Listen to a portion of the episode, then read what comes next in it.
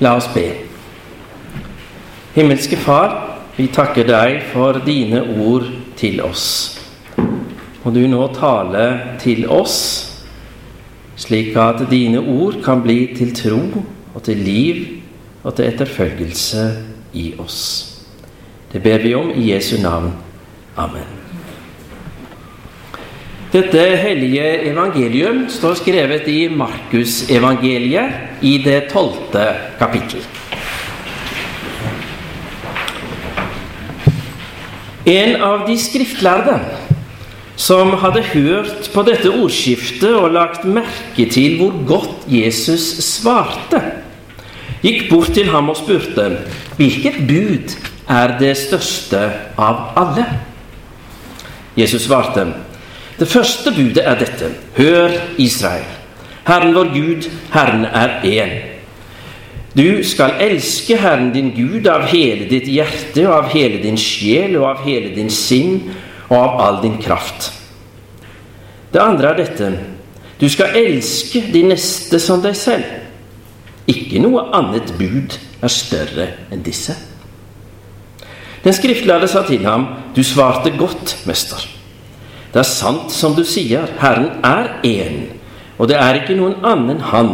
Å elske Ham av hele sitt hjerte og av all sin forstand og av all sin kraft, og å elske sin neste som seg selv, det er mer verdt enn alle brenneoffer og andre offer. Da Jesus hørte hvor klokt han svarte, sa han til den skriftlærde, Du er ikke langt borte fra Guds rike og ingen våget å spørre ham mer. Slik lyder Herrens ord.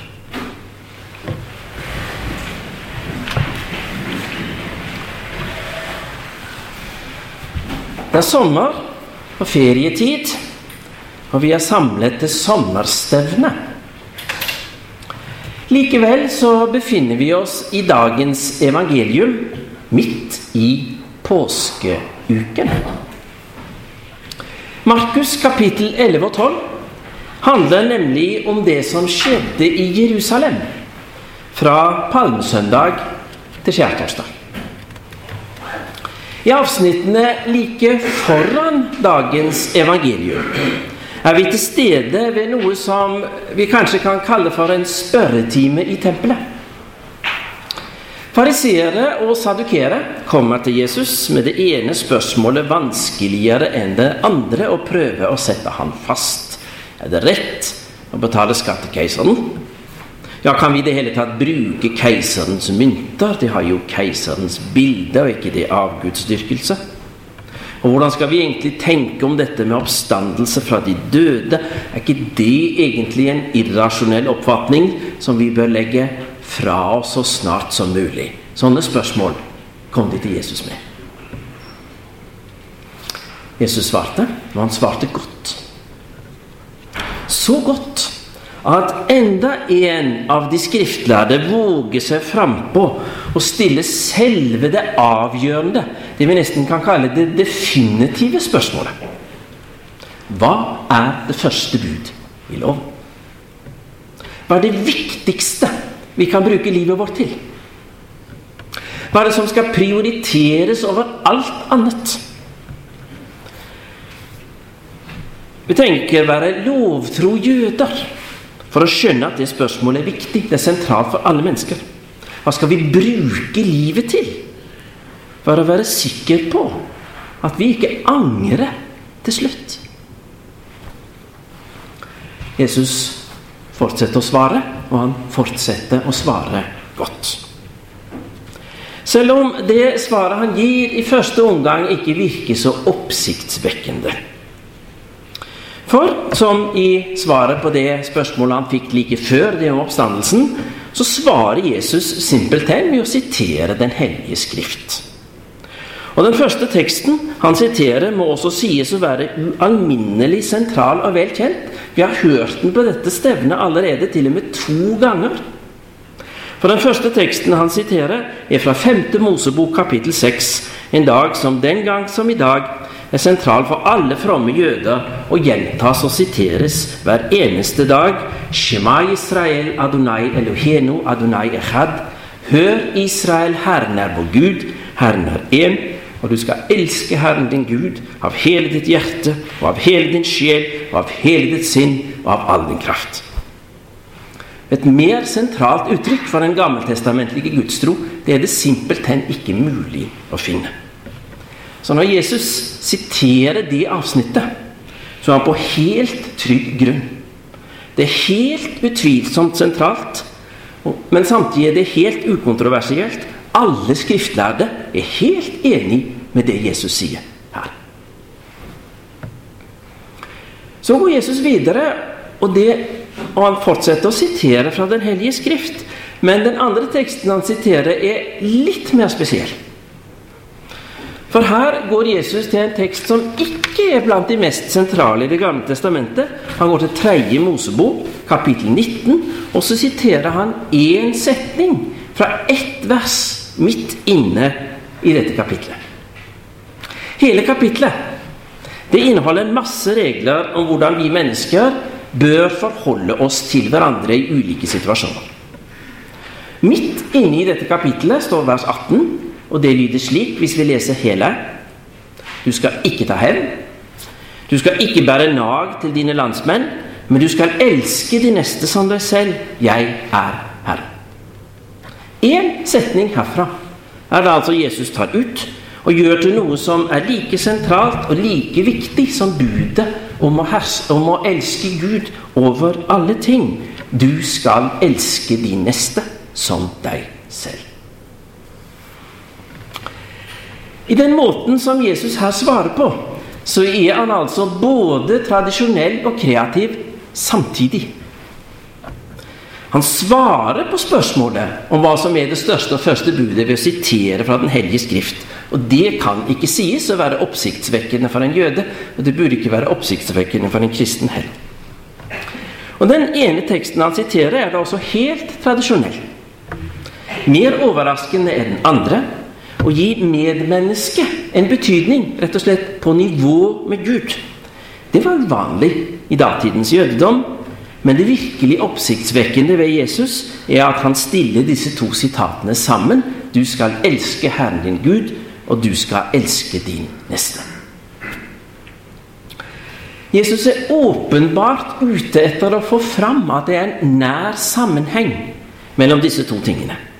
Det ser vi også av andre ting han i ulike sammenhenger trekker fram i sin undervisning.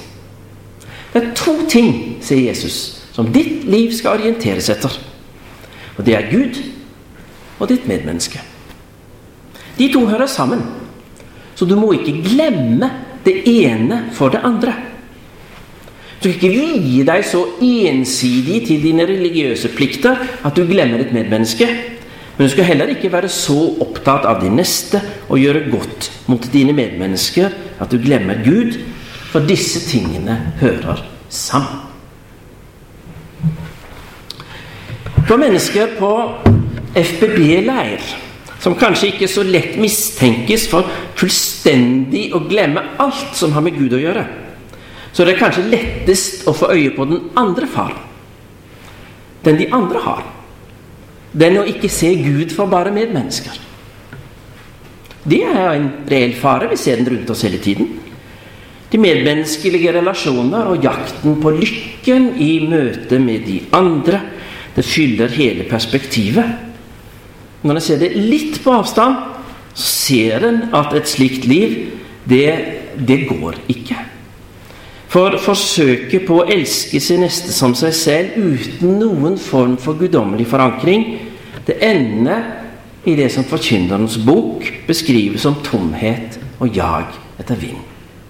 For vi mennesker er ikke skapt slik, og når vi prøver å leve slik, så går det ikke godt. Men Jesus minner oss her på at det er en grøft også på den andre siden av veien. Det er mulig å bli så opptatt av Gud og sine religiøse plikter at en glemmer sine medmennesker. Det er, for å si det med Arnulf Øverlands ord, mulig å begrave seg i visdomsbøker og mene det er sannheten man søker, og ikke finne noe som helst fordi en i realiteten har stengt seg inne i sitt bur og er fornærmet over menneskets natur. Både kristne og mennesker av annen tro kan gjøre den feilen. Men våre medmennesker er skapt i Guds bilde, og vår gudstro er ment å skulle tjene deres åndelige og timelige vel.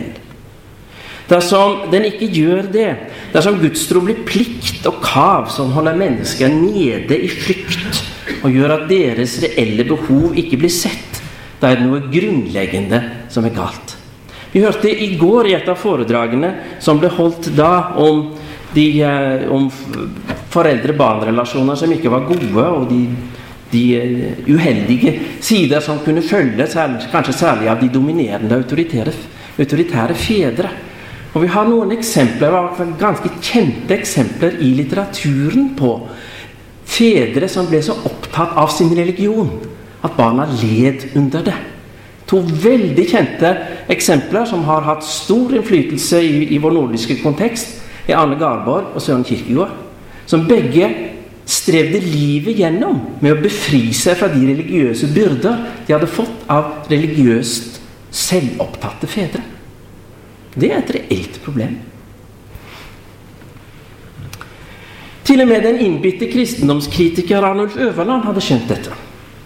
Og kan vel dermed, som den skriftlærde som stilte spørsmål om det største budet til Jesus, sies å ikke være så langt unna Guds rike. Men den skriftlærde han tar poenget med det Jesus sier. Han siterer svaret. Han får med begge elementene. Det har han skjønt. Både kjærligheten til Gud og kjærligheten til medmennesket.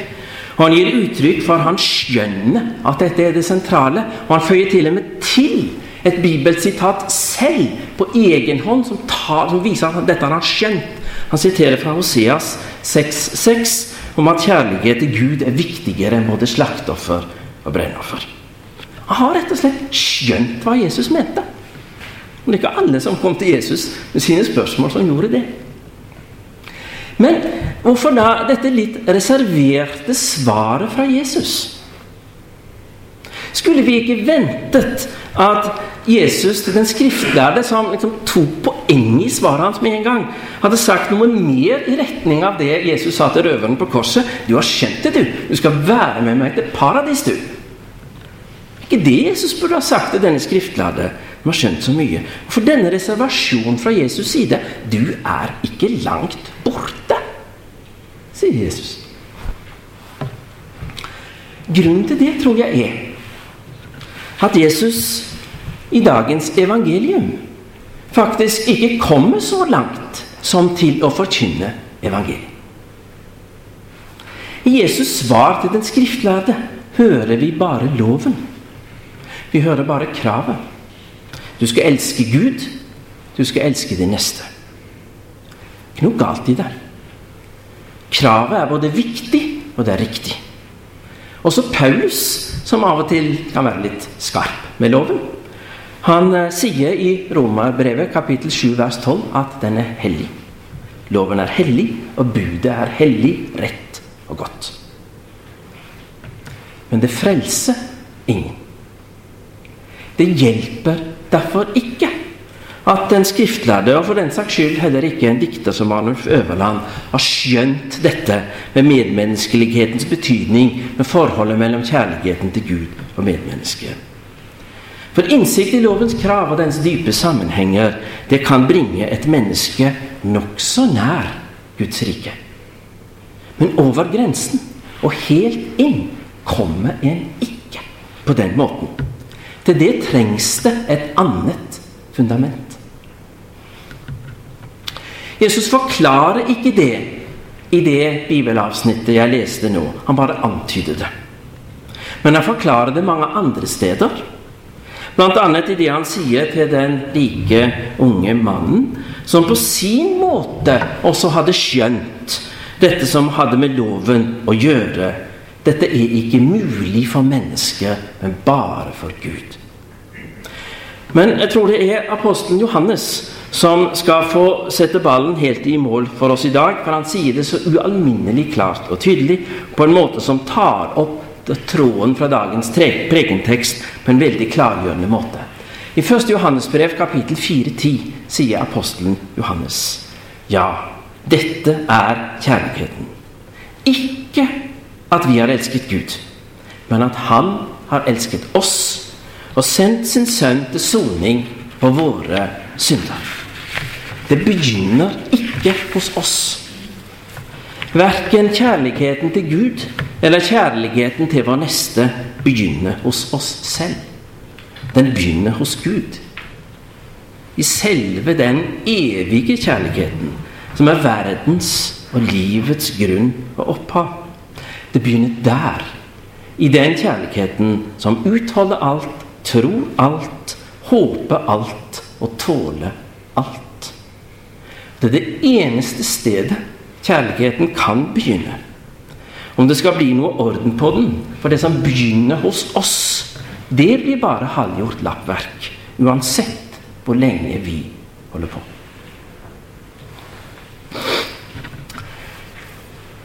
Jeg gikk noen dager og tenkte og grublet på denne teksten og prekenen, og så stilte jeg meg selv spørsmålet hvordan skal jeg få fram dette poenget? At kjærligheten alltid begynner hos Gud på en, møte, på en måte som gjør at det liksom dette som blir sittende igjen som hovedinntrykket etter dette prekenen, har jeg et bilde jeg kan bruke som gjør at dette sitter etterpå. Så fikk jeg en idé. Jeg skal bruke det vi alle går rundt med i lommen. Mobiltelefonen. Den er et nyttig redskap til mange ting. Den kan brukes til å tjene både Gud og medmennesker. Jeg gjør det. Ja, hele Bibelen er på mobiltelefonen, på mange språk. Og, så det er ganske mye gudskontakt her. Og hvis dere synes at en i FBB også må gå litt lenger enn det, så har jeg hele Concordia-boken også. Jeg har en ualminnelig teologisk kompetent mobiltelefon. Så bruker jeg den til å kommunisere med kone og barn og med mange andre, så jeg kan tjene min neste med den også. Det er mye potensial for god tjeneste i en mobiltelefon. Men det begynner ikke der. Det begynner med kraftkilden. Uten en kraftkilde, uten strøm på batteriet, så er den bare en dyr dings som ikke kan brukes til noen ting. Slik er det med oss også. Det er viktig å ha gode regler for et rett liv. Det er viktig å se betydningen av kjærlighet til Gud og kjærlighet til medmennesker. Det er viktig å se sammenhengen mellom de to, det er viktig å praktisere begge deler. Alt det lærer Jesus oss i dagens utleggelse av loven. Og det er viktig at vi legger oss dette på sinne, ellers lever vi ikke rett. Men vi kan ikke drive dette i egen kraft. Vi må kobles på kilden. Vi må rett og slett sette oss ned, sitte stille og ta imot Akkurat som når mobilen lades. Ellers går det i stå. Kanskje vi i egen kraft og med lovens veiledning kan drive det så langt som denne skriftlærde, helt til grensen av Guds rike. Lenger kommer vi ikke. Men Gud vil ha oss helt inn. Og skal han få det til, så må han bære oss inn mens vi selv sitter helt stille og ikke gjør noen ting. For kjærligheten er ikke det at vi har elsket Gud, men at Han har elsket oss og sendt sin sønn til soning for våre synder. Det begynner ikke hos oss, det begynner hos Gud. Men det som begynner hos Gud, det fortsetter hos oss. For det gir oss en evig og uoppslitelig kilde til å praktisere det livet som Jesus i dag tegner ut for oss. Et liv i kjærlighet til og tjeneste for Gud og vår neste. Guds kjærlighet er evig og uendelig. Den brukes aldri opp. Og uansett hva vi har gjort og ikke gjort, så er den der som et fundament for livet som alltid er like nytt og like rent som på skapelsens første dag. Omsluttet av denne kjærligheten skal vi få leve, og omsluttet av denne kjærligheten skal vi få dø. Han som ikke sparte sin egen sønn, men ga ham for oss alle. Kan han gjøre noe annet enn å gi oss alt sammen med ham? Ære være Faderen og Sønnen og Den hellige ånd, som var og er og blir en sann Gud fra evighet og til evighet.